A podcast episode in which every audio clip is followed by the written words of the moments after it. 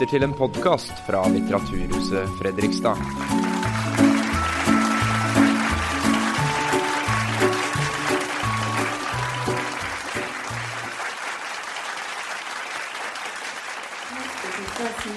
Eh, litt om kvelden, er Alexander fra Fredrikstad bibliotek.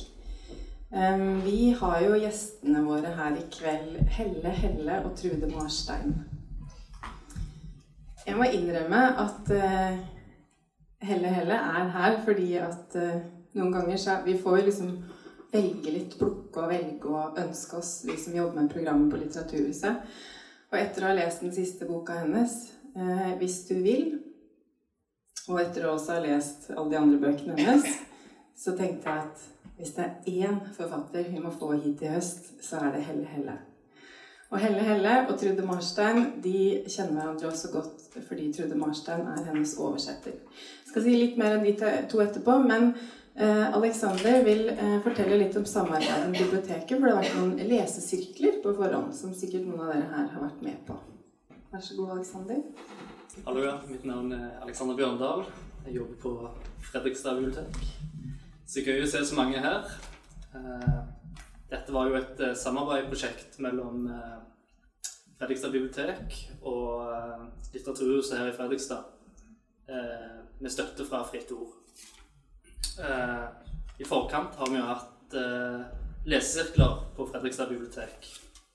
Eh, Der jeg har hatt gleden av å holde disse sammen med Charlotte Bråten.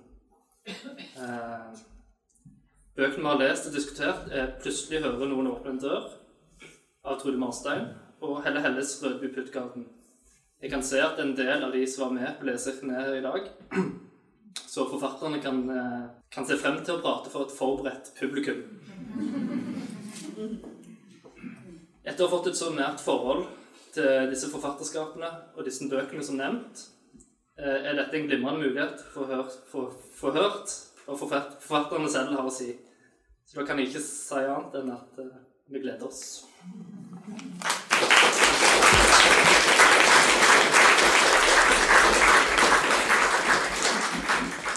At det blir sånn rekord i introduksjoner av introduksjoner i dag. Men nå er vi snart framme. Um, Trude Marstein debuterte i 1998. Hun er en stilsikker og kritikerrost og prisvinnende forfatter som stadig leverer strålende romaner hvor hun utforsker store spørsmål innenfor ganske man sier, om ikke små rammer, men hverdagslige rammer. Det samme gjør Helle Helle. Hun er en av de eh, beste yngre fra Danmark.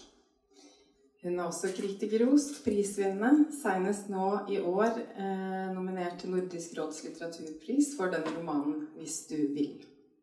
Som da er oversatt av Trude Marstein.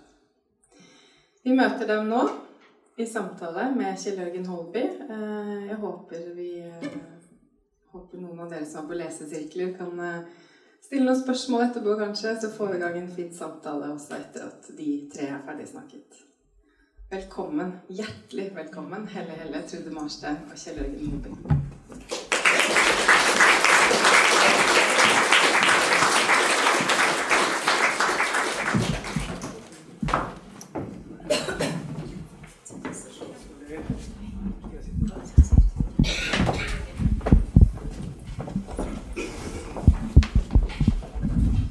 Det er ting som skal slås på litt forskjellig. Skal vi se her eh.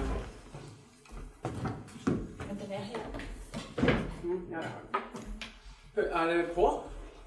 Ja. Glimrende. Ikke i helvete opp. Du har computer.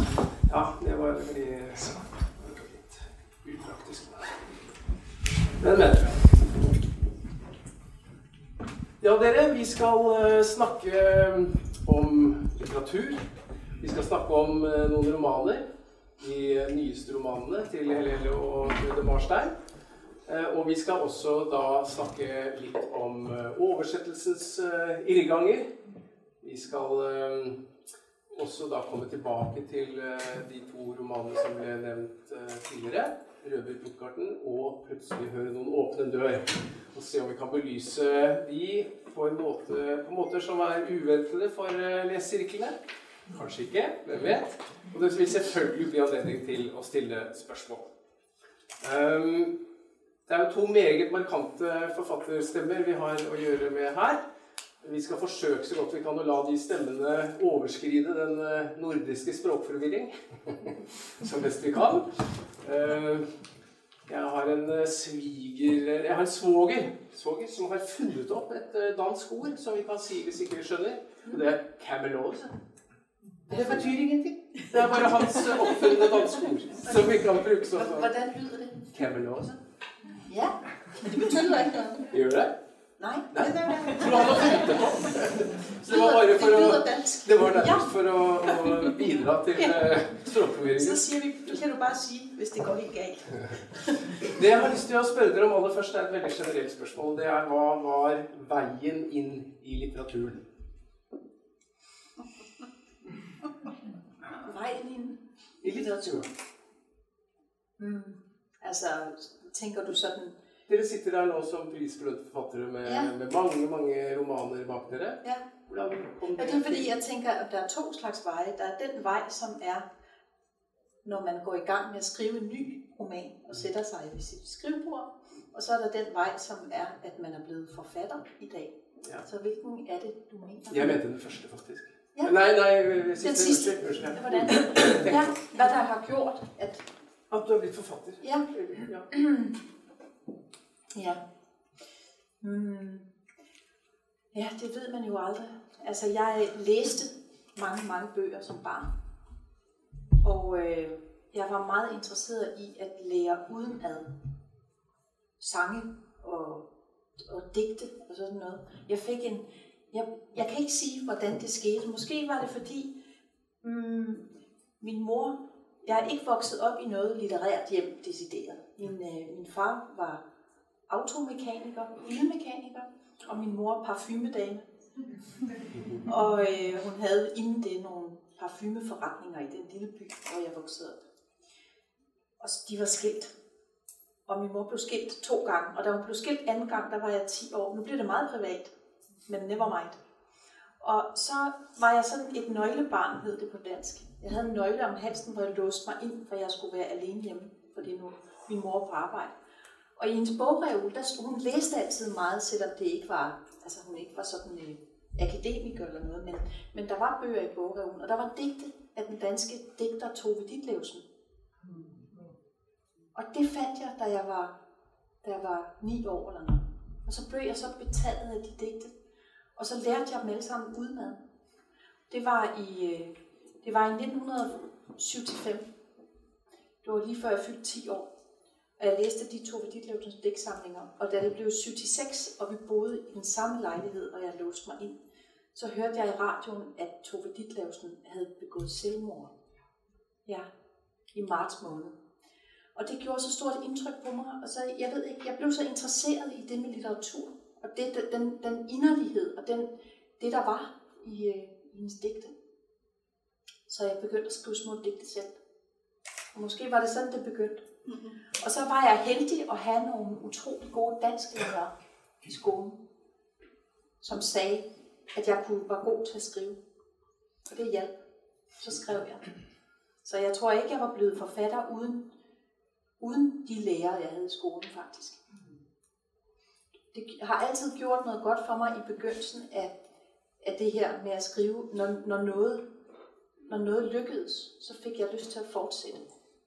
Så på en måde er det jo et tilfælde, og samtidig er der alle mulige ting, som, som gør, det blevet sådan. Ja. Og du, Trude?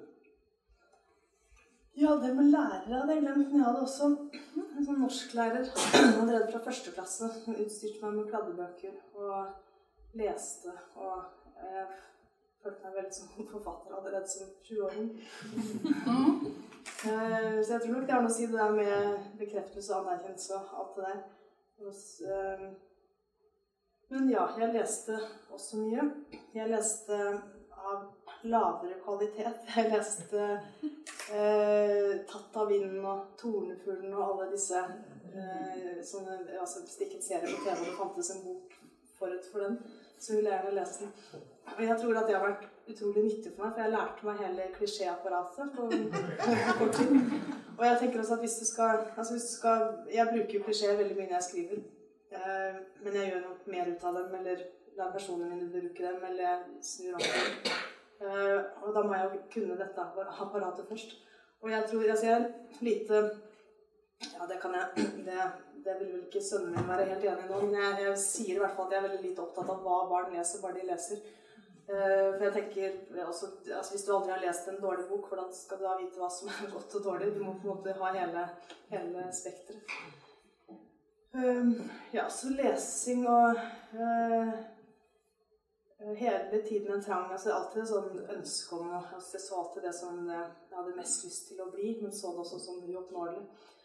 Uh, så det, ja, det var det største jeg kunne tenke meg å bli. Det, og det der å, å skape noe og lage noe eget. Og, uh, nå er det lenge siden jeg har svart på det. Det er et spørsmål man må svare på med jevne mellomrom. Og nå har jeg følelsen at jeg har vært forfatter så lenge at jeg på en måte tar det som en selvfølge og nesten ikke husker hvordan jeg At jeg kunne vært noe annet. Men det, det er et godt spørsmål, mm. for vi har helt glemt, hvad svaret er. Og problemet det er altid, at der er så mange spørgsmål, man har fundet et svar på. Så det er spændende, når nogen stiller det, et af de spørgsmål, der. Mm. Det er kanskje veldig åpent, men, øh, men det bringer oss jo til, øh, til din annen tolkning av spørsmålet. Det som leder inn i en bok. Den processen som... Ja. Ja, jeg sidder stadig og tænker på det første der.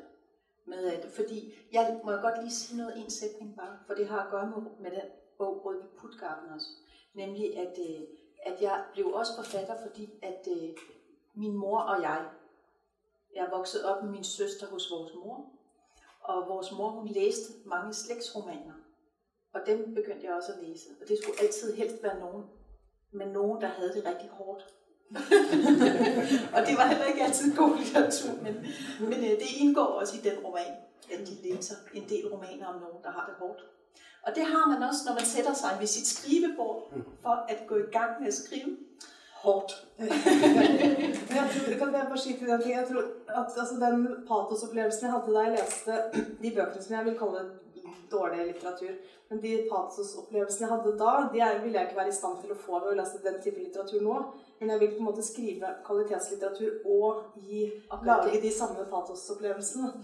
Men eh, ja, og det er utrolig krevende. Veldig vanskelig å få til patos uten at det blir banalt og platt og, og sentimentalt. Man vil gjerne ha at noen skal, skulle komme til å græde, faktisk. Ja, men, det er nummer et. men ikke på, ikke på billig måte, ikke på enkel På en reg, nei, nemlig. På en ny måte? På en veldig sofistikert ja. Um, dere er um, Altså, dere er forfattere som er både like og veldig ulike, tenker jeg.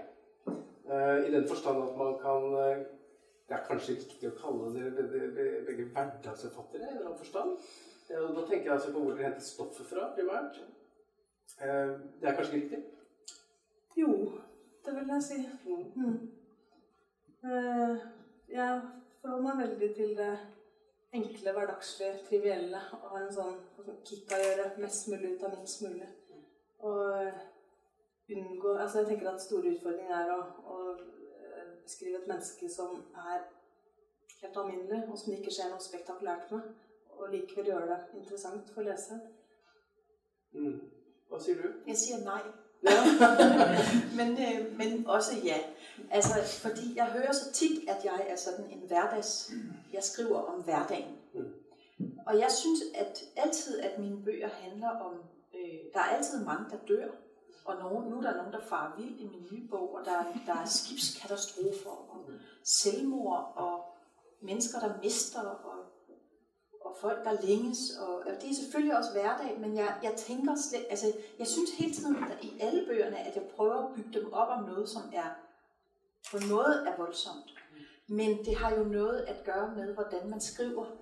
Og det er jo fordi, at hver gang noget bliver for voldsomt, så må man skrive så lidt som muligt om det. Mm. Og så skrive et helt kapitel om at købe, gå, gå til en bager og købe en kage. Men, øh, men kun tre linjer om, at nogen, noget går helt galt, mm. eller at en dør. Mm.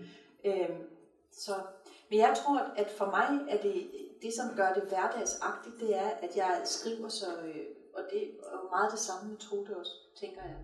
Der er meget konkret i det. Der er en stor sådan øh, i længsel efter objekter, faktisk. For jeg, jeg skriver meget, der, der skal være nogle ting. Jeg, jeg skriver jo ingenting om, hvad de føler og tænker. Og der er ikke nogen, der reflekterer. Så alt, men det er ikke fordi, at de ikke føler og tænker og reflekterer. Det er fordi, jeg kun kan skrive om det, hvis det er noget, der kan aflæses ud fra, hvad de siger og hvad de gør. Og for at de kan sige og gøre ting, disse personer, så skal der være et rum. Og det rum er fyldt med ting.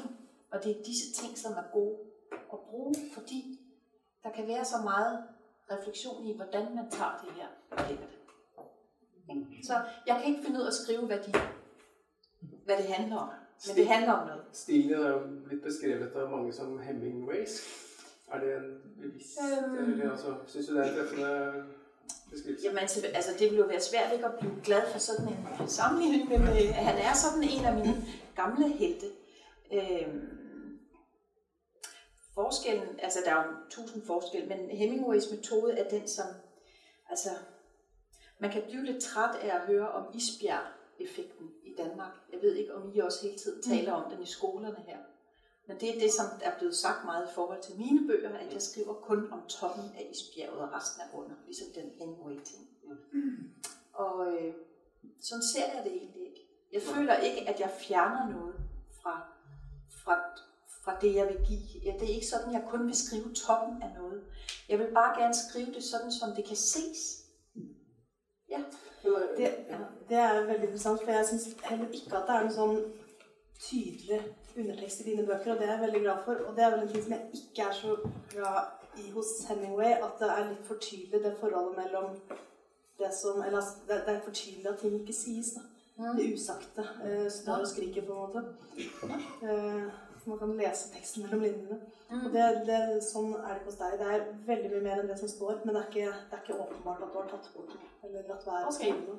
Det er ikke tydelig at du vet noe som du ikke skriver. Vil det vil liksom være å narre leseren litt? Ja. Rett og slett. Men jeg opplever jo at din eh, skrivemåte er eh, ganske annerledes. Det er mye refleksjon og indre liv. Ja, men det er jo ikke noen refleksjoner som Eller indre liv som fører til noe som helst. Så Eh, Så jeg tenker, jeg har tenkt på det. Altså, jeg syns jo det er veldig Jeg liker veldig godt den skrivemåten. Heller det der at man ikke får vite At, at det kan bli så eh, rikt og interessant selv om man ikke får vite tanker og følelser. Men når jeg lar personene mine føle og tenke, så eh, Eh, er det jo ikke pålitelige følere og tenkere. Og jeg tenker, også, altså jeg vil jo, Det der med showing telling, så tenker jeg at jeg har um, showing via telling. At, at eh, man egentlig ikke får vite noe av personene når man får vite tankene av personene. Man må likevel gjennomgå den samme um, Altså at det er like mye opp til leseren å oppleve som det er i Helles bøker, selv om man får vite tankene om følelsene. Men er det ikke fordi, at, dine, at de tanker og følelser, der er, og refleksioner hos dine personer, tænker jeg, de hele tiden er i det nu, der er? Jo. Men at de ikke strækker sig bagud eller frem, Jo, men at det hele tiden er meget tanker. drevet af umiddelbare Mm. behov lige Ja. nu. Ja. Og så handler det om det, men ikke de der på længere sigt overvejelser. Nei, og hvis de har tilbakeblikk, så er det også helt tilfeldig. Ja. Helt bare eh, trigget av et eller annet i nåtiden, uten at det er, det er ikke noe bygd opp som en refleksjon, men en konklusjon, eller eh, Og det er jeg veldig opptatt av med dialogen også, at, og det er en utrolig vanskelig balanse, for eh, man kan ikke beskrive en hvilken som helst uh, smalltalk-dialog i virkeligheten. Man kan ikke skrive den også blir litteratur. Men likevel så ligner dialogene mine veldig på de eh, tilfeldige samtalene man kan overhøre. Men det er likevel Altså, det skal, de skal snakke om ingenting. Det skal ikke være eh, replikk, replikk, konklusjon. Altså, de skal ikke um, Men likevel så, så skal man være eh, Personene må vise seg gjennom replikkene eh, uten at de utsier noe tydelig om seg selv. Da. Mm. Og det er eh, utrolig vanskelig. Og jeg må kjenne personer veldig godt før jeg kan skrive dialoger. Eh, og komme ut av skrevet meg ganske langt eh, fram i romanen før jeg greier å skrive de dialogene. Men måske det er derfor, jeg føler mig så beslægtet med dine bøger, faktisk. Mm. Jeg synes, de ligner mine, selvom de er helt anderledes. Ja, jeg synes også, Men, du- fordi det, det, det er ligesom, og jeg vil hellere, jeg, som jeg har sagt til dig tidligere, så jeg vil egentlig hellere skrive som Tone. Jeg ville gerne kunne gøre det med at skrive, hvad der bliver tænkt og følt. Det kan jeg ikke særlig meget, heller ikke bare i det nu, kun ganske lidt. Men jeg, jeg har en følelse af, at jeg bliver, det, som gør mig så lykkelig, når jeg læser dine bøger, det er, at det på hver eneste side er der en følelse af, at ja, sådan er det, uden at det står der. Mm. Selvom de tænker og føler. Jeg tenker, eh, jeg hadde egentlig tenkt å spørre om dere kunne hvordan dere ser på utviklingslinjen i forfatterskapene deres. Så det skal jeg vente litt med til vi kommer til tidligere bøker. Og så skal jeg ta tak i det du sa, din siste bok handler om å gå seg vill. Mhm. Eh, Ganske bokstavelig. Og jeg tenker jo bare en liten sånn eh, bitanke her er at det virker også som dine personer ofte på en måte går seg vill i seg sjøl.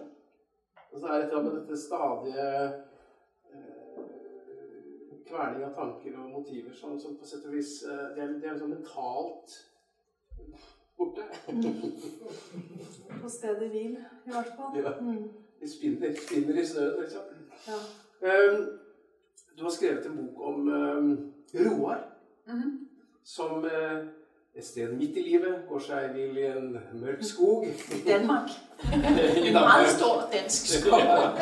Tanken fører, leder jo uvegelig til eh, Dante som et sånt eh, grunnleggende er en, er en sånn det, det må være lov å spørre, Er det en bevisst bruk av et motiv, eller er det noe som rett og slett er allment? og Det er et motiv, som jeg egentlig overhovedet ikke ønskede at have noget med at gøre, men som jeg ikke kunne undgå. Fordi jeg havde bestemt, at jeg ville skrive om nogle mennesker, som ikke var i en hverdagsomgivelse, men ude i naturen. Og naturen er så svær at skrive om, synes jeg. Det synes du da også synes. Ja. Ja, der er jo ikke noget at skrive. Fordi, altså, den er der jo bare. Den er et landskab, og sådan en forfatter er jeg ikke. Jeg kan ikke. Så jeg tænkte, nu prøver jeg at se, hvad sker der, hvis jeg tager to fremmede og sætter dem ind i en skov. Så kan jeg vel prøve at skrive en ny bog. For det er det, man altid gerne vil. Skrive noget nyt. Og jeg valgte at have en mandlig fortæller. Det har jeg heller ikke haft før. Øhm, ja. Og så spurgte du mig om roer. Mm. Hvad var det, du sagde? Nei, om, det, om denne, denne Dante Ja, det var det. Ja, Så var problemet, at, at så tænkte jeg, jeg begyndte at skrive, og de var i den skov. Og jeg vidste ikke, da der var gået øh, 20 sider, så tænkte jeg, at jeg kan ikke blive i denne skov. Og øh, det, jeg tænker, at det handler jo altid, når man skriver om at styre udenom alle former for klichéer. Det er faktisk det, det går ud på i at skrive litteratur. Det er, hver gang der står en kliché og venter, så må man finde på noget andet. Fordi jeg er slet ikke litteratur. Og det gælder både form og indhold. Og for mig var klichéen det, som faktisk er endt med at være i bogen. Nemlig, de er i skoven, det bliver mørkt, og den ene fortæller den anden sin historie. Det er jo den største kliché, men jeg kunne ikke gøre noget ved det. Men jeg prøvede at behandle den på en måde, som blev noget andet, end at den bare blev fortalt. Nemlig ved at bevare Roers synsvinkel. Så han er det jeg, der taler hele bogen igennem. Selvom bogen i midten er kvindens historie, så er den fortalt igennem ham. Så egentlig var mit eksperiment at lave en bog, hvor jeg skrev jeg-fortælleren helt ud, næsten ud af bogen. Og jeg tænkte, kan man holde læseren? Hvad sker der, hvis man fjerner den? Kan man gøre det? Så det, det er derfor, at hendes historie ligesom æder bogen Ja, om er indenfra. over, ja. Ja. Kanskje vi skal få høre et uh, lite parti? Ja, hvad skal det være, tænker du? Det kan kanskje være et sted der nettopp eh, hennes eh, stemme tar over gjennom hans. Med hendes, med hendes stemme? Okay. Jeg, bare, for, jeg hadde tenkt å spørre om det, nemlig, for det er jo en slags sånn transparens mellom de to stemmene som er Ja. eh, Ja, men det lyder jo som om det er hende, der taler. Mm. Så det er jo lidt svært at finde, men øh, jeg kan tage et øh, lille afsnit her. Hun er, hun er øh, 38 år, 38 år, og Roar er, som du sagde, 48. Og de, er, de ligner hinanden, fordi tiden er bare gået. De er meget alene. Og øh, det her, det er et tilbageblik, hvor hun fortæller om noget af den tid, hun har været alene. Hun er ikke i stand til at sige præcis, hvad årene ellers gik med. Hun havde et langt vikariat i en kantine og et hos en vognmand. Hun var i en reception. Hun anskaffede sig en symaskine og syede sine egne vattæpper. Hun var ved at drukne i vattæpper. Hun syede også blå og hvidstribede pudebetræk og ompottede sukkulenter i små zinkbaljer. Hun tog helt til Blokhus og brugte en dag ved vandet. Hun samlede skaller og sten. Det var pludselig alt om at gøre at få samlet de skaller og sten. De skulle ligge i en glasæske i hendes vindueskamp.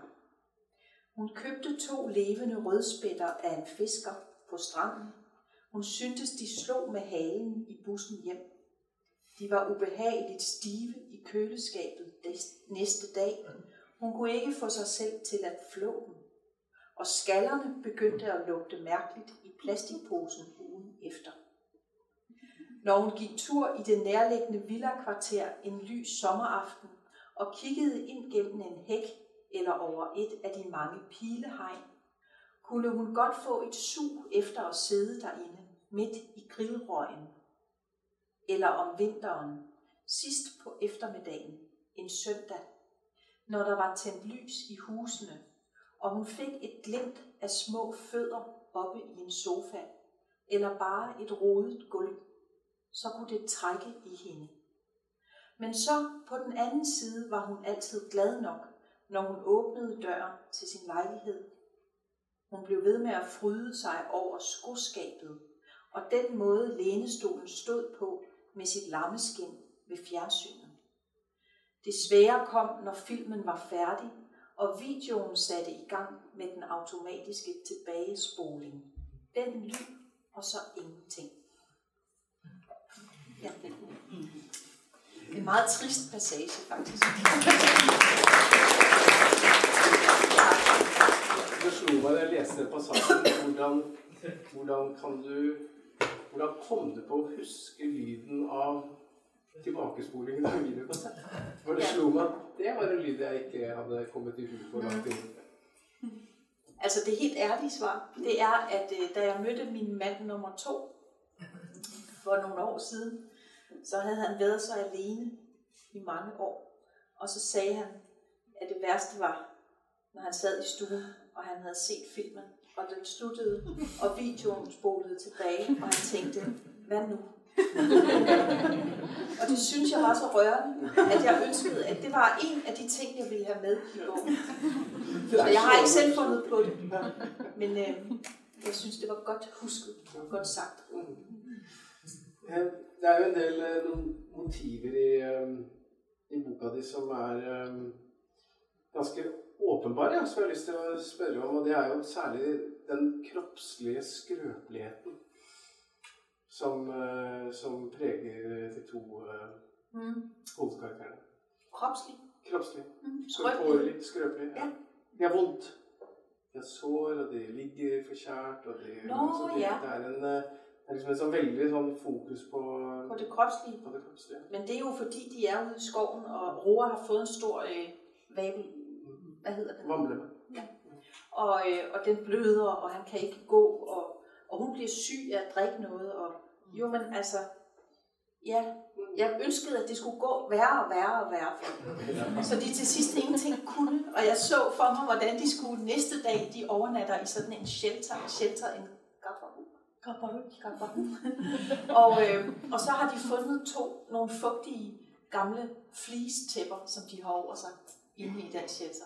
Og så havde jeg forestillet mig, at næste dag skulle de gå afsted med de der tæpper over kroppen, helt ødelagte. Og det gør de så. For det er, jeg ved ikke, det skal bare gå rigtig galt for dem. Ja, ja sådan er det. Det er, det er fordi, det er godt at skrive om, når det går helt galt. Fordi der sker jo også noget godt. Altså, der sker noget på mange forskellige niveauer. Men det vil være for mig være virkelig kedeligt at skrive om en mand og en kvinde, som tilsammen satte sig et mål om at finde ud af skoven og fandt en smart måde at gøre det på, og, og ikke blev syge og var friske. Og så det er der jo ikke noget ved.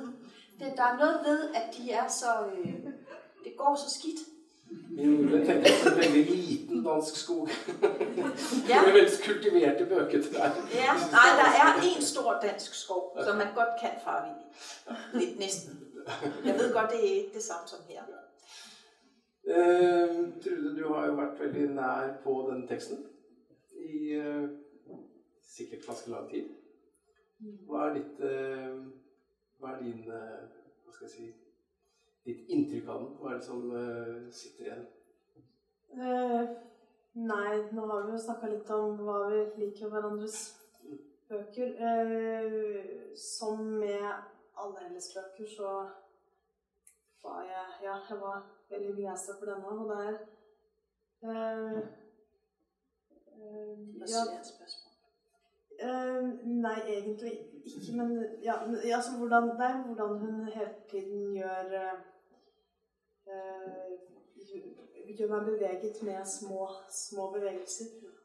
Eh, og du sier at du lar det gå dårlig med dem, men, men du stopper jo i tide. Hvis du ville f.eks. lot ene brekke beinet eller lot den ene ja. dø, så ville jo, da ville det bli for mye igjen. Så, Ja. så du finner den balansen hele tida. Lar det gå akkurat passe, i. eh, passe dårlig. Men det skal man, det er jo for at undgå det store altså drama. Det vil være alt for meget med et brækket ben. Og så som du sa i stad, også så er jeg jo veldig enig i det at, at selvfølgelig så altså Som jeg sier, at det må gjøre mest mulig ut av minst mulig og holde det det trivielle. Selvfølgelig må det må skje noe, og det må være motstand. Vi må utsettes for konflikt og til og med litt fare. Men, men jo, det er å holde det nede på et lavt nivå, så blir det mye mer realistisk og mye mer virkelig. Og så, og, så- og så gå og fokusere på detaljene. Eh, da får man den, eller da får det, den lille dramatikken som er også mye større effekt. Og som du sa, skrive da tre setninger om det dramatiske, og så en side om noe trivielt. Du, det er helt rigtigt, du har ret, fordi at det, det er i virkeligheden, du spørger, hvorfor der er en kropslighed. Det er jo, for der skal være noget at skrive om. Så der skal jo ske noget. Mm. Så jeg tænkte, hvad kan der ske? Okay, der må være en, der bliver syg af at drikke noget vand, så kan jeg skrive om det. Og der må Og så er det en, jo og- også et gnagsår og en omgangssyke Ja. i skogen. Det er jo dramatisk. Ja, det men er det. til å være, altså, i bøker så er man vant til at det skal så veldig mye dramatikk Ja. til for at man skal oppleve som dram- dramatikk. Og dermed blir det en blodig vannbømme og litt oppkast, bare, litt, bare komisk, liksom. Men det er jo virkelig dramatisk. Jeg er jo, eh, I Ja. samme situasjon så ville jeg jo kjent dødsangst, i hvert fall, med, å, ja, kaste opp, med å kaste opp ja, igjen og igjen. Det er sånn postapokalyptisk roman i et lite, lite format. ja. Ja. Eh, var det en vanskelig bok å oversette? Eh, nei. ehm, jeg oversetter mye forskjellig. Mye jeg ikke nødvendigvis liker så godt. Eh, og sånn stort sett så er det lettere å oversette jo dårligere bok er, for da er det bare å finne de tilsvarende sjablongene langt på vei. Men, eh, men med Helle Helle så er det, selv om hun er eh, den beste forfatteren jeg oversetter, så er det hun har så enkelt og, og greit språk, så det er veldig det er lett å oversette. Så sender jeg noen mailer mot slutten og spør henne for å være sikker på at det ikke er misforståelser, fordi det kan være sånn små Det er mye små subtiliteter. Eh, små ujålete subtiliteter i bøkene hennes. Eh, så det er å være sikker på at, eh, at jeg har forstått alt helt riktig. Og da kan det gjerne være et par av de spørsmålene som jeg er veldig glad jeg stilte. Eh, men eh, jeg heller bruker jo ikke symboler og metaforer. Det er jeg veldig glad for. Men så får jo disse detaljene får så stor effekt at det nesten virker som symboler likevel. Men eh, de er ikke det. De står der som og har den konkrete betydningen de har. Mm. tenkte vi skulle tenkte vi skulle vende oppmerksomheten mot uh, en viss Ove i, uh, i din siste roman. Som jo er en ganske annen roman på mange forskjellige måter. Uh, det er en relativt stort anlagt bok om en, om en mann i, eh, som følger hans livsløp, får vi si. Og det handler om utroskap. Ja, det kan jeg vel ikke benekte.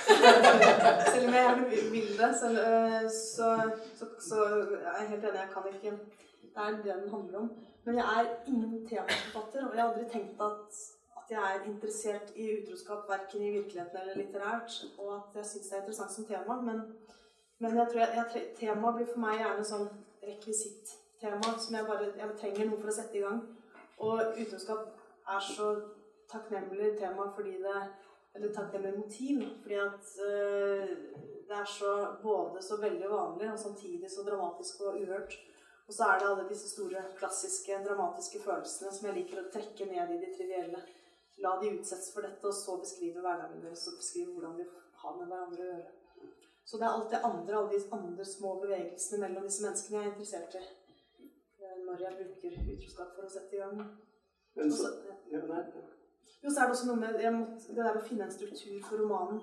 Eh, og da ble det rett og slett, etter utrolig mye arbeid, så ble det da at, å ha disse, dette livsløpet gjennom seks faser i livet, hvor hver av de, disse delene settes i gang av at man treffer en ny kvinne og blir forelska. Men det fremstår jo som en eh, Kan du nærmest lese som en slags form for tragedie? I den forstand at han eh, i det, altså Vi har snakket om denne boka en gang før, og jeg, da sa jeg til at jeg jo eh, får en merkelig eh, kjærlighet da, til denne Ove. Eh, og Ja, måten du behandler ham på. gode mennesker som det går dårlig med. Nei, du, nei han, har jo, han, vil jo, han vil jo godt. Mm. Men så er han, eh, han, han ligger under for en, en voldsom karakterbrist. Mm. Som rett og slett på et eller annet punkt eh, ser ut til å ødelegge mye for ham. Mm. Er det riktig, eller er det feil? Eh, det er mm, Jeg tror det er riktig. Eh, men jeg tror at det er litt eh, ikke helt frivillig. Altså jeg tror direktøren på Gyllendal erta meg litt med at jeg hadde skrevet en moralsk bok, for det er det verste man kan si til meg. For det, det er det verste bok kan være for meg. Jeg mener at det meste er uforenlig med god skjønnlitteratur. Det at forfatteren er moraliserende, Eh, og at forfatteren vil utsi noe med boka. Og jeg vil ikke utsi noe som helst, og mine holdninger og tanker og meninger er helt fraværende. Og jeg vet dem ikke, vet ikke engang hva de er sånn i forhold til denne boka. Eh, Men så ser jeg jo det at det går jo Det er jo en bok som kanskje utsier at dette var utrolig dumt, dette burde du angre på, og det går dårlig med deg. Så, så han har kanskje rett. Han sa det jo litt Ja. Eh, og Ane Farsetås, som hadde en veldig god anmeldelse eh, i Morgenbladet, også hun, hun endte vel med Og jeg tror også hun hadde en litt sånn eh, visshet, bevissthet på at, at det var noe av det verste jeg kunne høre. At jeg var en moralist på vår tid, eller et eller annet sånt. Eh, Så fikk jeg andre anmeldelser som mente at det var problematisk at jeg ikke tok opp til etisk diskusjon det han gjorde. Eh, Og det er jo anmeldelser som preller av, fordi det er virkelig ikke det sånt jeg driver med. Eh, Og det ville være katastrofalt om jeg virkelig hadde brukt romanen til det. Men en leser kan jo vel ofte, selv om Og det er viktig aspekt ved det å lese, det er jo at man fornemmer forfatterens omsorg for sine karakterer. Det er, det er liksom en sånn i hvert fall for meg viktig, da. Ja, det tror jeg nok, og det må jeg ha. Jeg må ha veldig empati og, og ja, omsorg, og jeg må bli berørt av min egen personlighet. Men samtidig så må jeg også være iskald, sånn at jeg aldri ehm, lar meg lede av denne av empatien. holdt jeg på å si. Så og det, er akkurat den der balansen mellom distanse og nærhet til hovedpersonen, det er noe jeg jobber veldig med, og det, og det som nesten for meg er det, er det vesentlige ved å skrive. det er å både være helt nært inntil å være inni personen og se med hans øyne og oppleve disse kvinnene med hans øyne. Eh, samtidig som jeg har han på en armlengdes avstand og ser han helt utenfra og ikke forholder meg til det på noen plan. holdt jeg på å si. Eh, Er det noe med at han skal få lov til å gjøre som han vil? ja, eh, absolutt. At, eh, og litt, altså det, det er noe jeg syns er en eh, kjempeklisjé, det er med at personene lever sitt eget liv. Men det er, når jeg kommer dit at jeg får til å skrive, så er det litt den følelsen. Men det er egentlig det har litt å gjøre med at når jeg kommer dit, så har jeg en følelse av å ha skrevet fram en som kunne vært et virkelig menneske. Og, og jeg tror at mennesker er mye likere enn man går ut fra. Og at det er ganske begrensa rom vi har for å handle og si ting i bestemte situasjoner. Så jo lenger jeg skriver, jo mer faller personen inn i et mønster som vi alle kjenner. Da. At det er veldig gitt hva, hva personen kommer til å si, og hva personen kommer til å gjøre. Og da trenger jeg ikke tenke hm, han kan si det, han kan si det. Da er, da er det på en måte bestemt. Så jeg tror det er det som i siste instans også gjør det. Altså det er veldig vanskelig å skrive. Man kan skrive hva som helst, og mye av det å skrive går ut på å lage seg begrensninger. Men, men eh, så kommer man også til et punkt hvor det blir veldig lett, fordi at det, er så klart hva du vil si, og hva du vil gjøre. Er mm. det det noe du opplever også? Mm, jamen, jeg tænkte på, at jeg tror, jeg er... altså, jeg bliver tit spurgt om, hvor meget der er af mig i mine hovedpersoner, i mine jeger, fortællerne i bøgerne. Ikke? Og jeg synes egentlig, at jeg er øh, fuldstændig inde i. Altså, at de på en gang er, er, er der ikke noget af mig i dem, og samtidig er der utrolig meget af mig i dem. Fordi den måde, de er i verden på, det er en måde, som jeg, som jeg kender en til en. Øh, og det er især jeg fortæller, vil jeg sige. Mm. Og det er jo altid sådan nogle handlingslammede, retningsløse mennesker. Men øh, så, så det er jo ikke, det er jo ikke fordi det er, jeg ved godt, jeg svarer på lidt noget andet end det, du talte om, men, men jeg, jeg, jeg har egentlig ikke behov for distance. Jeg, når jeg begynder at skrive, så har jeg mest interesse i det par øjne, der ser, hvem er det, hvem er det jeg, der taler. Og jeg har en forestilling om den kvinde er det som regel, ikke? nu har det været mand dengang. gang. Og så tænker jeg, hvad gør hun? Hvad gjorde jeg? Hvad ville jeg gøre? Så det er hele tiden, jeg bruger egentlig hele tiden øh, mig selv i forhold til det, de gør. Ja. Man kan jo lidt få inntrykk av at um, ehm, Eller jeg får inntrykk av at um, ehm, i, uh, hvis du vil, så det hviler jo et slags sånn mysteriøst slør Ja. over karakterene på et nivå. Altså, Ja. Du får liksom aldri noe sånn Nej, Det er liksom aldri skarpstilt. nej. er det Men jeg tror, det er fordi, der er så, man får så lidt at vide især om ham, Mm. mm. at man selv må, må forestille sig, hvad det er. Øh, og det var jo også det, der var, øh, som jeg sagde før, en af de vigtigste ting for mig. Altså, hver roman begynder egentlig med ønsket om at lave et eksperiment for mig. Et, et eller andet. Og det, det eksperiment er altid et formeksperiment. Og det betyder ikke, at der ikke er indholdet, som er vigtigt. Der skal selvfølgelig være et indhold. Men det, det er ønsket om at finde en ny form og gøre noget på en helt ny form. Øh, og det, som jeg ville her, det var så blandt andet at prøve at lade jeg-fortælleren forsvinde næsten ud af bogen. Som jeg sagde før. Ikke? Mm-hmm. Øh, men måske er det lidt anderledes også med det jeg her i forhold til, hvordan jeg har skrevet ham frem. For jeg var meget usikker. Du har du har også skrevet om mange forskellige. Du har haft mange jeger. Mm. Utrolig mange jeger. Jeg har haft et jeg, der har været tit en ung kvinde. Ja. Og så nu der er en mand på 48. Men ellers har det ligget de samme steder. Jeg har en interesse, har haft og har en sådan en svaghed for at skrive om kvinder på omkring 20 år. Dem har jeg haft flere af i mine bøger. For det er sådan et godt tidspunkt at skrive fra. Og jeg kan huske, da jeg, havde, da jeg, da jeg var gået i gang med at skrive Rødby Putgarden, som nogen her så har læst, der, øh, jeg fortæller aldrig nogen, hvad jeg er i gang med. Men så spurgte min mor, hvad skriver du nu? Og så sagde jeg til hende, jeg skriver om øh, nogle parfumedamer på Rødby Putgarden. Og så blev hun så glad. Nej! Og så sagde hun, hvem er hovedpersonen? og så sagde jeg, det er en ung kvinde på 20 år. Og så blev hun så skuffet. Og så sagde hun, jamen kan det interessere nogen? En ung kvinde på 20 år. Og da bogen så udkom, og hun læste den, så blev hun så glad for den selvfølgelig, eller alligevel. Og så, øh, så sagde hun, ja, men vi er jo mange, der har været 20. Og det er faktisk sådan, det er, at det er jo ikke, det, det kan man godt, fordi der er noget særligt med den alder der, som har været god for mig. Og det er, at det er det tidspunkt, hvor man skal finde en vej, en retning. Ikke? Og det kan man ikke. Eller man kan, men den vej, man vælger, kan blive så afgørende for, hvordan resten af livet former sig. Øh, og det kan være bitte små tilfældigheder, der gør, at man ender i Tyskland, eller i Norge, eller ude i en skov. Fordi nogen gjorde sådan der, og så gik man med. Øh, og, og det der med at være 20 og give slip på alt det, man kommer fra, og finde sit eget, det passer rigtig godt til det, til den måde, jeg skriver på. Og det er ikke tematisk, det er ikke temaer. Jeg har det ligesom troet, at jeg, jeg er ikke interesseret i temaer. Men jeg kan godt se, at der er nogle temaer. Som vokse frem nærmest? Ja, det kan jeg desværre. Og der er mange ting, der går igen i bøgerne hele tiden. Ligesom der er i dine også. Og så er der altid nogen, der flytter, og nogen, der har en kuffert.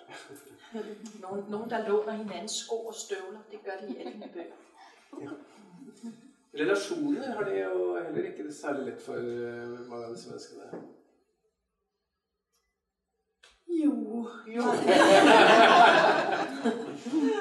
Eh, jo, det vil jeg mene at de har, men at, eh, at relasjoner er komplisert. Men jeg syns jo at det er altså Jeg tror for at altså Jeg syns jo at jeg har beskrevet altså Det er klart at det er noe med at når man skal skrive, så må det være konflikt, og, må, eh, og det er mye traumer i bøkene mine. Men jeg, har, jeg tror kanskje at det er en økende grad av eh, om ikke idyll og lykke, så i hvert fall noe, noe eh, Jo, bortimot. det her. jeg har skre- prøvd meg en del på idylliske situasjoner, men jeg tror at for at en, en situasjon skal eh, framstå som idyllisk i litteraturen, så må den være så helt utroverdig gjennomromantisk og idyllisk, sånn som den aldri kunne vært i virkeligheten. Så så fort jeg får inn de trivielle detaljene, så faller den ned. Men jeg mener jo at den fremdeles egentlig er, er at, jeg, at jeg har beskrevet veldig mange fine og, og trivelige i hvert fall situasjoner. Eh, og det, har jo, det er noe jeg har også presset meg til, eller har hatt en sånn sterk trang til. Da, å komme meg litt ut av, ut av det veldig tunge, traulige, tristesse. Eh, men så er det klart at altså, man kan jo ønske å, å fantasere om å skrive en, en bok som i overveiende grad er om lykke og idyll, men det blir jo ikke litteratur av det. Det må være konflikt og motstand og, og noe som setter i gang. Og, eh, men ja, det, det spørsmålet til relasjoner Det er, det er disse, at relasjonene på en måte brenner seg ut, da. Ja. Eh, Det gjelder jo de fleste av eh, Oves forhold, og det gjelder jo Christian og din hovedperson. Altså det, det er en eller annen sånn underliggende misnøye som til slutt bare nærmest eh, skaper en sånn relasjonell undergang. Ja.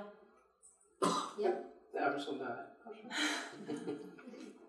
kan Ja. være, i hvert fall. ja. Eh, når dere jobber med karakterene, bare for å spørre har dere, er det- Er det noe teknikk? Altså Lager dere store CV-er og vet hva dere liker å spise med middag og sånt? da? Ja, jeg har et dokument på min computer, hvor jeg skriver alt det, som jeg... Når jeg ikke kan skrive på bogen, så går jeg over i det, og så skriver jeg, så skriver jeg noget om personen. Så skriver jeg, hvor jeg også skal beslutte mig for, altså træffe et valg i forhold til, hvem er han, ham der over? Hvor kommer han fra? Hvor bor han? Hvor gammel er han? Og det, der er jo, altså det sværeste ved at skrive er det, at man kan vælge alting. Man kan gøre alt. Øh, og det er derfor, det er så svært at gøre det. Fordi der kommer ingen bog, før man har besluttet, om han har været på seminar, eller om hun er parfumedame, eller om hun er 20, eller om hun er 30 år gammel. Altså det, for så ændrer hele bogen sig. Man kan ikke bare skrive det op bagefter. Jeg kan ikke, fordi hver sætning ligesom fører til den næste. Ja, det er, Det er umuligt. de valgene er så vanskelige og så viktige. Og, Ja. det, og det er så merkelig, for man skulle tro at man bare kunne Ja. valgt hva som helst i alle de Så, så det er som regel sådan, at jeg skriver, jeg prøver, jeg, jeg, jeg ved mere om de personer, end jeg skriver ned nogle gange. Jeg prøver ligesom at forklare mig selv, hvad er det her for et menneske?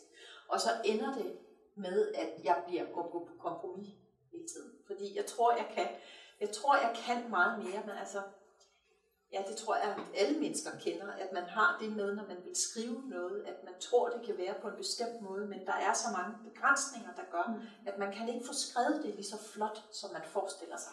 Og det er lige meget, om det er et lille, en e-mail, eller en tale, man skal holde, eller det bliver aldrig så flot, som det er meningen. Men, men, og så må man gå på kompromis, men så bliver det nogle gange noget andet. Og andre siger, hvor var det en god tale. Man synes selv, den var helt forfærdelig. Men den, der var alligevel noget, der var noget andet, end det man havde tænkt. Så det er jo i høj grad også noget meget kropsligt at skrive, faktisk. Det er noget, man ikke kan tænke, men noget, man skal gøre. Man skal, og sprog gør jo ting. Sprog er jo betydninger. Så det kan være øh, meget vigtigt at beslutte, om man skal skrive. Det er ikke kun de store ting. Er han, er han læge, eller er han skolelærer? Det er også, skal jeg skrive ned, eller skal jeg skrive ud? Skal jeg skrive hen, eller skal jeg skrive op? Fordi det, er, det kan være de biord og forholdsord, hvad hedder de på norsk, de kan ændre hele teksten. For der kan være en, der kan være en betydning, der lige flytter sig. Så, så det er, og det er så spændende øh, ved at skrive, det er, at det er så lidt, der skal til. Og så ændrer det hele sig. Skriver du om? Øhm, ja, det gør jeg. Det gør jeg. Jeg flytter rundt på det, jeg har skrevet. Og, og jeg skriver mest om på de første 20-30 sider, og så har jeg ligesom en måde, og så, så kører det mere. Men hver gang jeg skal læse korrektur, så har jeg lyst til at ændre tusind ting, fordi, og jeg gør, når jeg læser op, så ændrer jeg stadigvæk lidt også, fordi man kan, det, man kan gøre mere, men det skal heller ikke være for perfekt. Men alligevel, så, så, øh, så kan jeg mærke, at der er noget, der, der godt kunne have været anderledes. Og så kan der være sætninger, som jeg har fjernet, som jeg stadig tror er der, når jeg læser dem højt. Så altså nogle fantomsætninger. Øh, men det kan også være, jeg kan give et eksempel bare kort på, hvad det for eksempel er for en slags pillearbejde med sætninger. I min forrige roman er der en, øh, er der en ung pige, som er hjemme sammen med sin kæreste, og øh, for første gang, og han har en, øh, en vandseng. Så hun, hun siger, at det, det er skvulper i vandsengen der på hans værelse. Og hun kigger ud af vinduet, og for, hans forældre går nede i haven. Og så står der, så skrev jeg, og det står der, de havde ikke rigtig styr på ukrudtet. De var begge to dansklærere. Det er meget sjovt på dansk. det betyder, at de, jeg ved ikke, hvad, man, hvad hedder det, de havde ikke styr på ukrudtet. De havde ikke styr på, de kunne ikke kontrollere deres ugræs. Komma, de var begge to dansklærer. Ikke? Og, og den, den kan jeg huske, den sætning, hvordan, den, hvordan jeg har siddet med den, fordi jeg fjerner tit alle de hjælpende, eller jeg bruger ikke særlig mange forklarende konjunktioner, fordi og derfor og sådan noget, fordi jeg synes, det bliver mere klodset. Så tager dem ud, fordi hvis nu jeg havde skrevet, de kunne ikke kontrollere deres ugræs, for de var begge to dansklærer. Det er ikke lige så godt. Og ligesom at vende det rundt og sige, de var begge to dansklærer, så de kunne ikke kontrollere deres ugræs. Det er også klodset. Og det er faktisk det, litteratur går ud på. Det er, at man sidder med de sætninger hele tiden og tænker, hvordan, hvordan kan jeg få en elegance ind i det her? Så at man som læser tænker, ja, og man kan få lov at være der som læser. Og selv tænke, ja, i stedet for at nogen siger det. Er det, sitter du også og piller i det? Ja. Eh, ja, absolutt.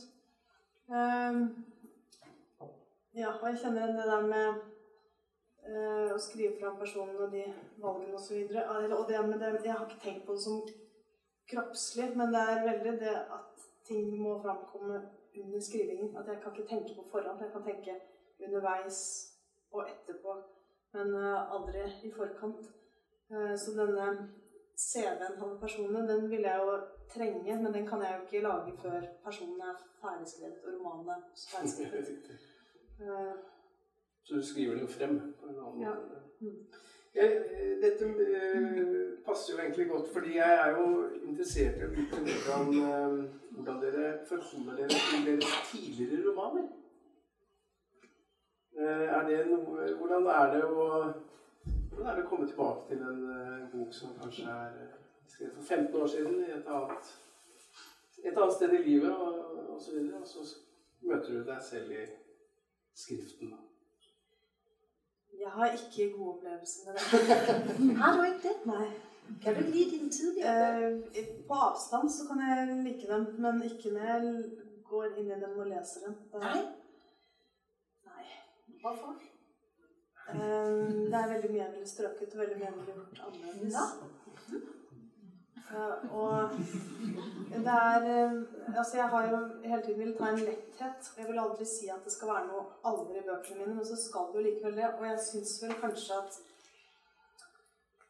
i min andre og tredje bok så er det kanskje at jeg tar har litt for stor selvtillit som forfatter og skriver litt for Altså at jeg ikke tar ikke, ikke Rett og slett at jeg trodde jeg aldri skulle si, men at jeg ikke føler nok under skriveprosessen, kanskje. Jeg vet ikke. Hvad, hvad, hvad er det for en bog, du tænker på her? Eh, Det er særlig Elin og Hans. Den, som den er så god. Den er fantastisk. Ja, men jeg tenker at den skulle vært bedre. Jeg at den skulle eh, Den er litt for eh, Men det kunne du jo ikke dengang. Nei, det er Det er jo det der er poenget. Det kunne man jo ikke. Nei, jeg kunne virkelig ikke det. Gjorde mitt jeg, jeg, ja, nei, jeg gjorde jo det absolutt beste jeg kunne.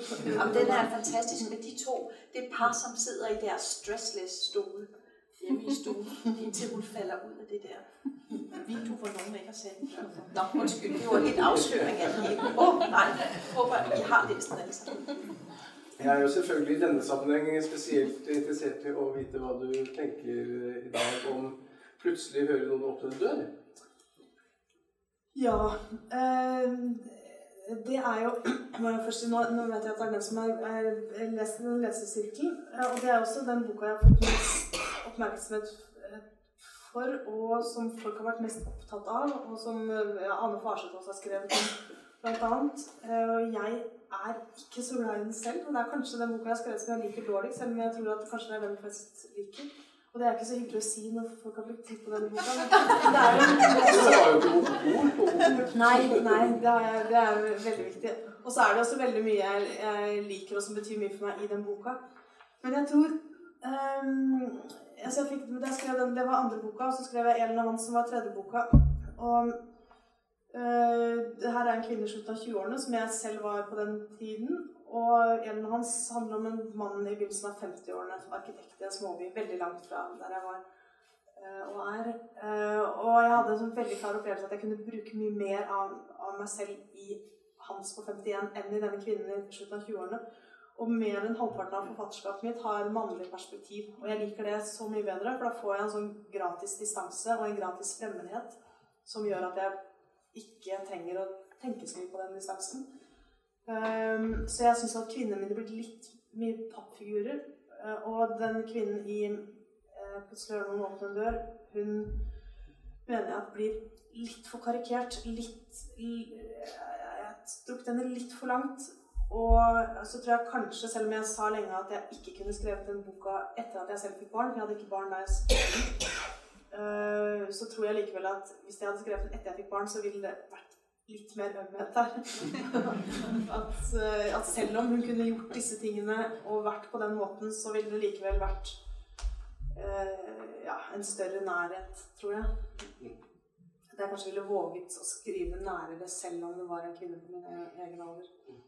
Det er jo en urovekkende bok. Men det er jo, gir jo ikke ved dørene. Nei. Nei, det var en veldig morsom bok å skrive. Uh, jeg var veldig opptatt Jeg fikk jo kritikker, altså kritikk for at hun var så usympatisk. At det var vanskelig å lese en bok med en så usympatisk hovedperson. Uh, og det er hun jo. Og det er vel kanskje også fordi at personen min skal være, kunne være usympatisk, men man skal samtidig få en empati og en godhet for dem. Og det er der jeg lurer på om jeg har helt har truffet balansen der. når Man skal få begge deler. Uh, og jeg hadde omsorg for henne og empati med henne, men kanskje ikke helt nok. Eller kanskje jeg ikke helt klarte å vise det i teksten. Uh, Men, eh, men den blir jo mottatt som en veldig språk språkorientert roman. Altså knyttet til klisjeer. eh, Mens jeg må jo innrømme at jeg nå leser den egentlig mer som et eh, et psykologisk portrett. Altså, altså når jeg sier urovekkende, så, så mener jeg jo fordi jeg visste jo rett og slett ikke hva hun ville komme til å gjøre. Altså, nei, ja, men det ikke mer omsorgs... Altså mer, mer sånn Hva skal jeg si? Ja. Ja, men dette med, altså med dramatikk videre, Lenge så trodde jeg jo det måtte skje noe dramatisk. At hun, altså hun på, et, på et tidspunkt så har hun bilde av hodet til datteren i mikrobølgeovnen. Bare som et sånn bilde som far gjennom hodet. Som jeg tror kan fare gjennom hodet på veldig mange mennesker uten at det er noe dramatisk ved det.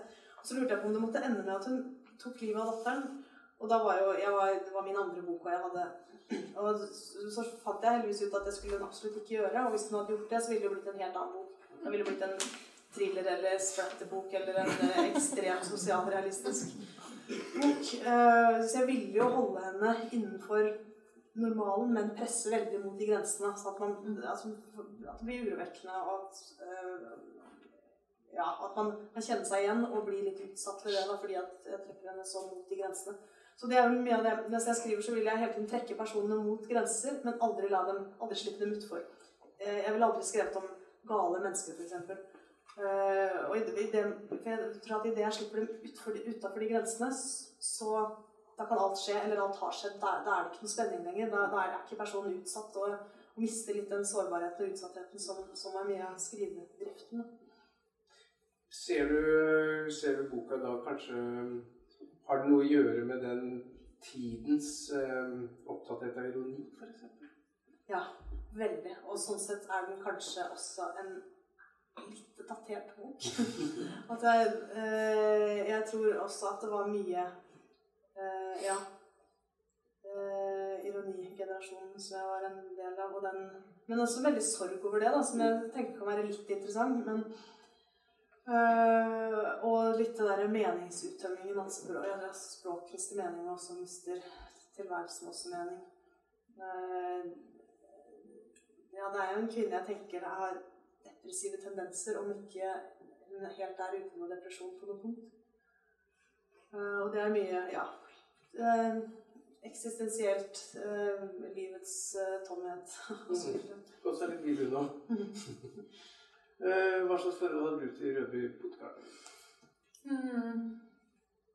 Jeg er nogle gange bange for, om jeg har skrevet mit hovedværk for 10 år siden. Mm. Og det er jo den værste tanke, det er, at man har skrevet sin vigtigste bog, fordi så er der jo ingen grund til at blive ved. Men, øh, men det er mest fordi, den, har, den gjorde en forskel. Den, den, det, det er klart fordi, at den, den behandler ligesom, ja, den foregår det sted, jeg selv kommer fra. Og, og jeg er vokset op med min søster hos vores mor. Men det er ikke min historie, selvom jeg også har været parfumdame, og min mor var. Og, så der er mange ting, der er noget helt andet. Det er, det er ikke på den måde. Men, men når jeg ser på den bog i dag, så, så er jeg faktisk stadigvæk... Øh, altså, jeg er aldrig sådan glad for mine bøger. Men, men jo længere tid der går, des mere kan jeg på en måde se, at de var sådan, som de skulle være, vil jeg sige. Øhm, og, og den, jeg har sådan en særlig, øh, ja, jeg ved ikke, det er vel det med at bruge noget, øh, altså mine bøger, den, den Rødby Putgarden, den udkom lige samtidig med, at hele Danmark begyndte at tale om udkants Danmark. Øh, randområder, hvor det går dårligt i Danmark. Og det begyndte der i midten af nullerne omkring 2005, at der var så mange problemer ude i udkanten. Og jeg røg ind i den bølge, fordi mine bøger, de foregik derud. Og det var ikke min hensigt, at jeg ville skrive om udkants Danmark. Jeg ville bare skrive om det, jeg kom fra. Og, og så gik det op for mig efterfølgende, at jeg tror, alle mine bøger, måske ikke den sidste, men de andre, de handler, de handler om mennesker ude, langt ude i den ydre provins. Men det er altid dem og mødet med noget andet eller en anden. Og den anden der i Rødby Putgarden, det er for mig selvfølgelig fortælleren, som, som jo har en interesse, der er sproglig. Altså, hun, er, hun har noget særligt i forhold, selvom, selvom hun jo ikke er begyndt at skrive rigtigt, men der er alligevel noget med, at hun drister sig en sjældent gang til at bruge en metafor. Og det forstår ingen. øh, men, men til gengæld, hun siger til sin søster, øh, at hun føler sig som en silo. Mm. Hedder det også det på norsk? En ja. silo? silo ja. ja. Og det er fordi, hun vil gerne, hun føler sig meget vældig stor, og øh, hun ved ikke, hvad der er indeni. Og hun vil gerne have, at andre ser hende, men ikke for meget. Og så siger hun til sin søster, jeg føler mig som en silo. Og så siger hendes søster, har du taget på igen, Dan? Altså, har du, så, må vi, så må vi spise råkost et stykke tid, siger hun, ikke? Og det er på en måde, et, et, et, det er sådan, den bog er for mig, at den handler om, at ikke blive måske forstået med det, man siger, men til gengæld blive omfattet med en stor varme. Kærlighed, egentlig. Ikke? Så ingen forstår, at man føler sig som en silo, men hvis du har taget på igen, så skal vi to spise råkost. det, det, det er sådan, det er. Øhm, ja. Og så er den bog selvfølgelig for mig viklet ind i, øh, i, i det sted, jeg kommer fra, og jeg har været der og, og tale om den og mødt gamle bekendte fra området osv. Og det gik fint, selvom jeg var, har været meget nervøs for det. Og så Den gjorde en stor forskel for min mor, den bog også. Nu ved jeg, at jeg siger noget om min mor hele tiden, men, men øh, det gjorde den virkelig. Hun, så hun vandrede op og ned ad gaden hele tiden, for, for når, der, når den lå hos boghandleren. for at vise, at... ja. Jeg har veldig lyst til å åpne for eh, spørsmål. Um, men før jeg gjør det, så vil jeg gjerne at du leser et lite utsnitt fra din bok. Ja, det beskriver Oves seks perioder i livet, så da leser jeg eh, et lite utdrag fra del to, som er på 80-tallet. Eh, Her har han akkurat fått sin datter nummer to. Eh, Og han har vært på seminar og møtt eh, Lisbeth, som serverte på hotellet. Eh, Ja, Wenche er kona, som han for så vidt har det fint sammen med. Og eh, Marte og Kjersti er døtrene. Her skal han eh, møte elskerinna. En av de første gangene han møter henne. Han har sagt at han skal noe annet. Jeg skulle ta toget til Lillestrøm ti på sju. De siste minuttene før jeg dro, ringte moren til Wenche. Marte våknet og var sulten. Kjersti satt foran barne-TV med en skål bokstavkjeks. Wenche sto med telefonrøret mot øret og gjorde tegn til meg at jeg bare kunne dra. Jeg tok, tok trikken ned til sentralbanestasjonen. De aller sterkeste følelsene varte aldri lenge. Lykke, desperasjon. Følelsen av å kunne miste absolutt alt. Og begjæret kunne virke sterkere enn noe annet, og det kom tilbake igjen og igjen og tok fokus og ro fra alt det som telte. Begjæret varte ikke lenge, men jeg visste at det kom fort tilbake. Hvis jeg, hvis jeg strøk Wenche over puppene, sa hun hm, og smilte et pedagogisk smil. Puppene var ikke til for meg nå. Jeg gikk fort fra stasjonen til der Lisbeth bodde. To kjøttmeiser hakket på et fuglebrett. Jeg satte meg på huk og banket forsiktig på kjellervinduet. Så gikk døra opp, og jeg fulgte etter Lisbeth ned kjellertrappa. Hun hadde på seg en rosa joggedress, ikke ulik en Kjersti hadde fått til jul. Jeg har bare hjemmeklær på meg, sa hun. Hun var deilig uansett. Hun sa lavt. Skal vi ligge sammen først, eller snakke først? Det var ikke mulig å vente. Helt umulig. Jeg kunne nesten ikke snakke. Det var en påkjenning. Aldri hadde jeg kjent meg så fysisk og mentalt utslått. Jeg pustet fort og lett. Trakk jeg pusten for dypt, ville jeg begynne å gråte. Lisbeth sa, 'Hvordan er det å være lege? Hjelpe folk sånn hele tiden og gjøre dem friske?' Det må jo bare være en helt utrolig fantastisk følelse. Jeg så på plankene i taket, på klokka, gned meg i ansiktet, snudde meg og så på henne. Jeg tenkte på Kjersti hjemme, tenkte på Kjersti hjemme som krøp opp i senga og ventet på at Wenche skulle synge for henne. Det sinte og bekymrede uttrykket hun fikk hver gang babyen begynte å skrike. Åh, det er så mye, sa jeg. Jeg tar så mange avgjørelser hver dag. Antibiotika eller ikke. Henvisning til spesialist eller ikke. Vente og se eller ikke. Sende rett til Ullevål eller ikke. Så mange skjebner, sa Lisbeth. Lisbeths øyebryn formet perfekte buer. Øynene skrådde oppover som hos en alv. De hvite øynene var lyseblått som skummet melk. Jeg fortalte henne om å føle at man utgjorde en forskjell og hadde betydning for mennesker. Hun lyttet. Blunket med jevne mellomrom og lyttet. Er du doktor for barna dine? sa hun. Ja, for sånne småting, sa jeg. Hvis Kjersti får øyebetennelse, skriver jeg ut resept på øyesalve selv. Lisbeth smilte. Sakte gikk det opp for meg hvor omfattende betydning dette hadde for henne. Hvilken rolle jeg spilte i livet hennes. Sannsynligvis en lykke, noe magisk, som inntraff en gang til og en gang til og farget alt. Når jeg stoppet, ville alt miste farge.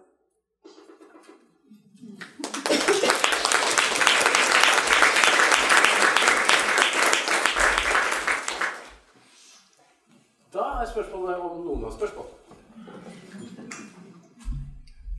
Det håper jeg. Ja. Hei. eh, Jeg er norsklærer, så det var jo hyggelig at eh, begge dere dro fram at lærerne skal ta oss for eh. Men uansett,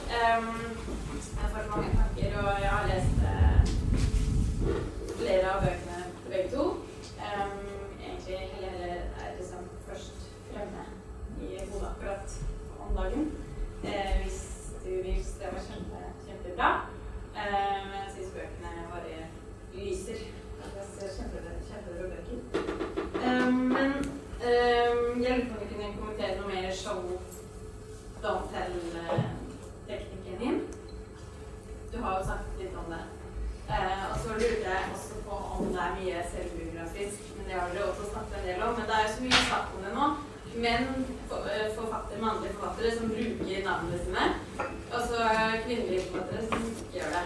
Men man bruker vel seg selv, tenker jeg likevel. Mm. Og så eh, humor. Mm. Eh, om, dere kan Ja, det tænkte jeg også nu, da du læste op. Det har vi slet ikke talt om. Men det er jo sådan en drivkraft. Det syns jeg er veldig viktig for oss begge, selv om jeg vet at, eh, at jeg tror jeg overvurderer min egen humor. å Nej, nej, det er utroligt morsomt. Men det er, jeg synes det er, humor er utrolig viktig, og det er noe av det som gjør at jeg liker bøkene til Helle. Men, men de bøkene jeg syns er morsomme, de har jo en humor som er Altså en litterær humor. Det er ikke en enkel humor, en slapstick-humor. Så det er jo ikke bøker som de fleste vil i første omgang karakterisere som morsomme. Eh, men, eh, og det er en humor som alltid er blanda med sårhet, uhygge eh, Ja, at det alltid er andre følelser til stede samtidig. Det er, det, det er næsten det, der er det sværeste ved at skrive. Det er at få noget til at være morsomt på den måde. Men det er jo den, det afsnit, du læste op her. Undskyld, det er ikke lige svar på dit spørgsmål. Men det er jo også de der skift, der er imellem, hvad der sker. Den måde, det både er hårdt på, og så stiller hun, så siger hun, at det er helt utroligt fantastisk. altså det er det at bruge, det er det, der er så præcist. Det er præcist, at hun siger det. Er det ikke utroligt fantastisk? ja. Nå, øhm, Ja, så var spørgsmålet om, øh, det var forskellige ting. Det var noget med, hvordan man bruger sig selv.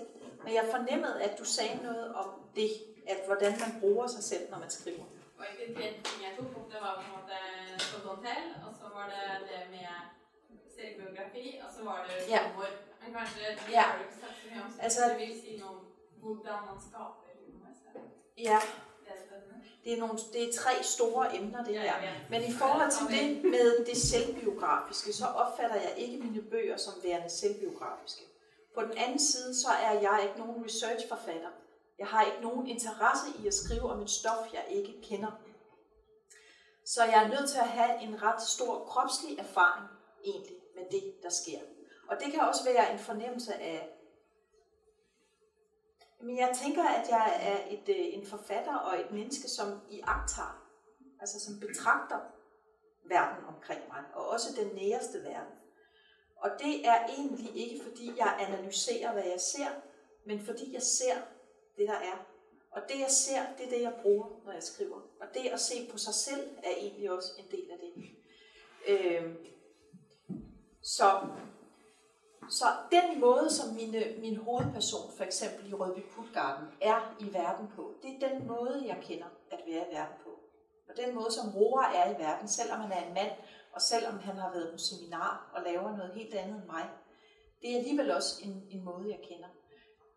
Og jeg tænker, at det meget tit handler om, at, øh, at, der, at der i mine bøger er en stor optagethed af at, at se.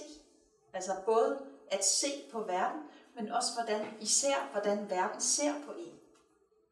Og om, den, om, om, om, man, om man gør det, man skulle gøre, når den ser på en. Så de er tit meget for, altså optaget af, at de kommer til at sige det forkerte, for eksempel, i mine bøger. Ikke? Øh, eller siger lige noget, der er lidt ved siden af det, de havde tænkt sig. Og det, det er alt sammen noget, som noget, som jeg kun kan skrive om, fordi at jeg kender det. Altså, øh, og jeg tænker, hvordan, hvordan skulle det næsten ellers være? Øhm, det, er, det, det, det er svært. Jeg svarer lidt på noget andet, fordi jeg tænker lidt imens. øhm, men det show, don't tell, det giver faktisk sig selv, fordi jeg kan ikke tell. Jeg kan ikke sige, hvad det er.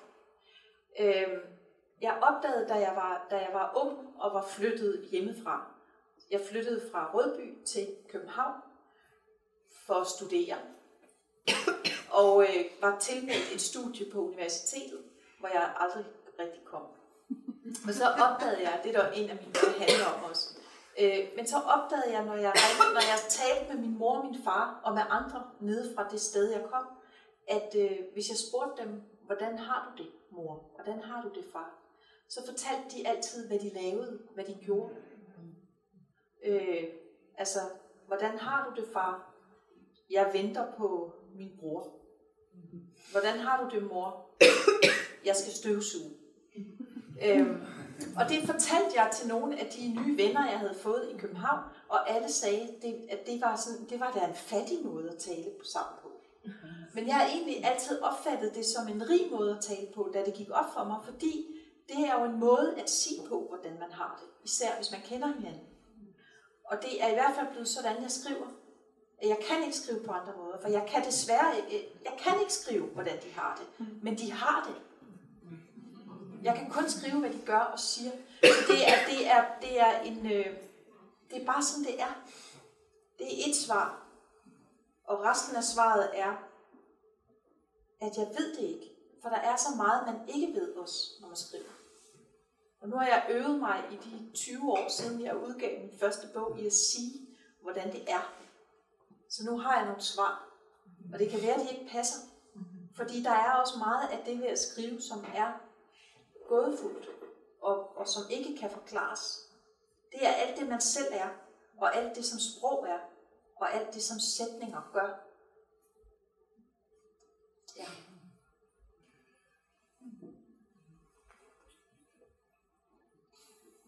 Ingen, er det ingen flere spørsmål?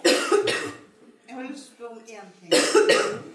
Eh, du har i mange av bøkene dine en, eh, en kort slutt Mm. i, en, i, i et helt eget eh, avsnitt. Mm. Ja, Kan du si noe om det? altså simpelthen konkret et lille afsnit, der slutter bogen. Er det Ja, det? For eksempel i, i Rødby Portgarden Ja. og i, i den her siste. Ja. Jamen, alle mine bøger er jo tit bygget op af de der afsnit, som er sådan. Ja. Kapitlerne er korte, og jeg skifter med et mellemrum ind imellem. Ja. Ja, det er noget rytmisk. Det er, det er en måde at få tiden til at gå lidt på. At man laver et nyt afsnit, faktisk. Øhm, Men det er ofte en vri der. vrider dengang, ja. Ja. Ja, altså jeg, jeg, jeg skriver altid bog, inden jeg begynder at skrive en bog, når jeg har en god slutning. Så jeg skriver altid, fordi jeg har en slutsætning. Og så finder jeg på den første sætning. Og så prøver jeg at se, hvad der kan ske ind imellem de to sætninger. Men det er tit forestilling om, det er jo for det, det er noget med de der gode gamle dage, og de bøger, man læste som barn og som ung, og også nu. Hvad er det, der sidder i en fra en bog? Det behøver jo ikke at være slutningen. Det kan være, at man husker, hvordan Ove han, han sad sammen med en ung pige i lyserød joggingdragt, og hun sagde, det er utrolig fantastisk. Og lige nu kan jeg faktisk slet ikke huske slutningen på din bog. Så det er ikke nødvendigvis, fordi slutninger behøver at være det, der bliver. Men, men alligevel så har jeg måske en naiv følelse, som, som rækker tilbage til, til, til, til tidligere tiders læsning, hvor slutningen den skulle være det, der var tilbage hos læseren. Ikke? Som når man ser en film, og de gode film, de slutter altid lidt for tidligt.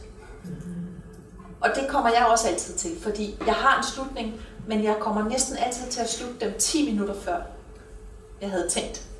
Øh, og det er jo fordi, man gerne vil have, at læseren ikke får det sidste med.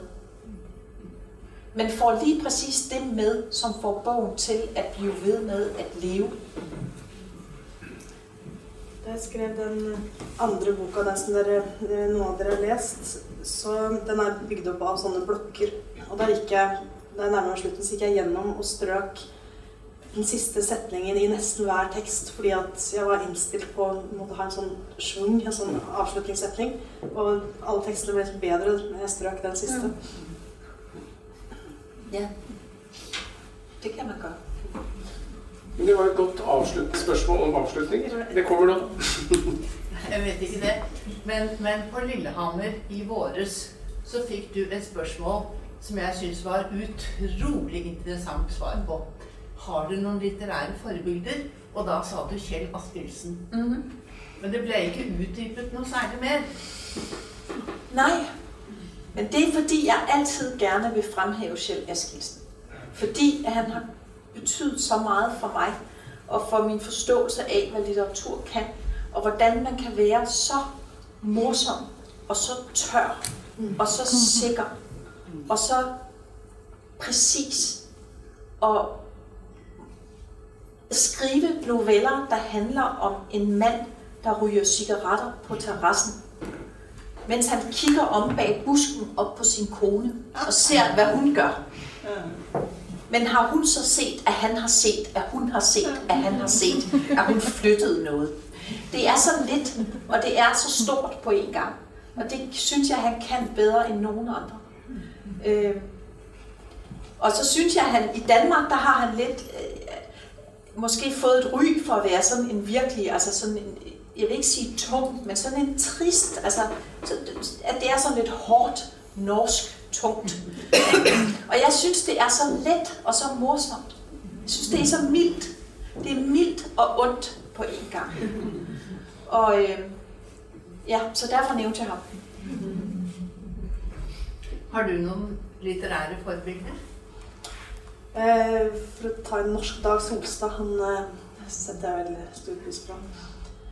Det er mye ja, det er kombinasjonen av, av det veldig, veldig kalde, kjølige, kyniske og sånn plutselig ømhetsblaff. Han skriver seg fram mot sånne ja, patosblaff. Som er like uventet hver gang. Og jeg er så, det er så, så flat måske, men jeg elsker også Kjell Eskilsens øh, Thomas F's sidste optegnelser til Agnes, hvis I kender den. Som er, øh, i virkeligheden, han, bryder han, han kan ikke selv lide den, øh, den, de tekster. Han bryder sig ikke om dem. Han synes, de har været alt for lette at skrive. Øh, alt for nemme. Men det er jo en gammel mand, som hele tiden kæmper for at slippe af med livet. Altså, øh, han møder sin datter på gaden, og har ikke set hende i 10 år. Og så siger hun, hej, jeg er begyndt at drikke urin. Nå, er du det, siger han. det var noget værd. Altså, det, det er helt, øh, helt mærkværdigt. Og alle relationer er, er helt syge, faktisk, og forkerte til søstre og døtre.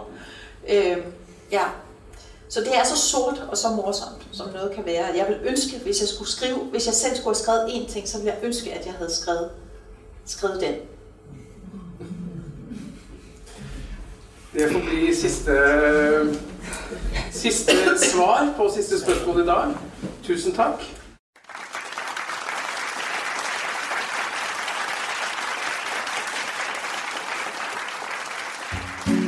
Nå har du hørt en podkast fra Litteraturhuset Fredrikstad. For mer informasjon, klikk deg inn på litthusfred.no.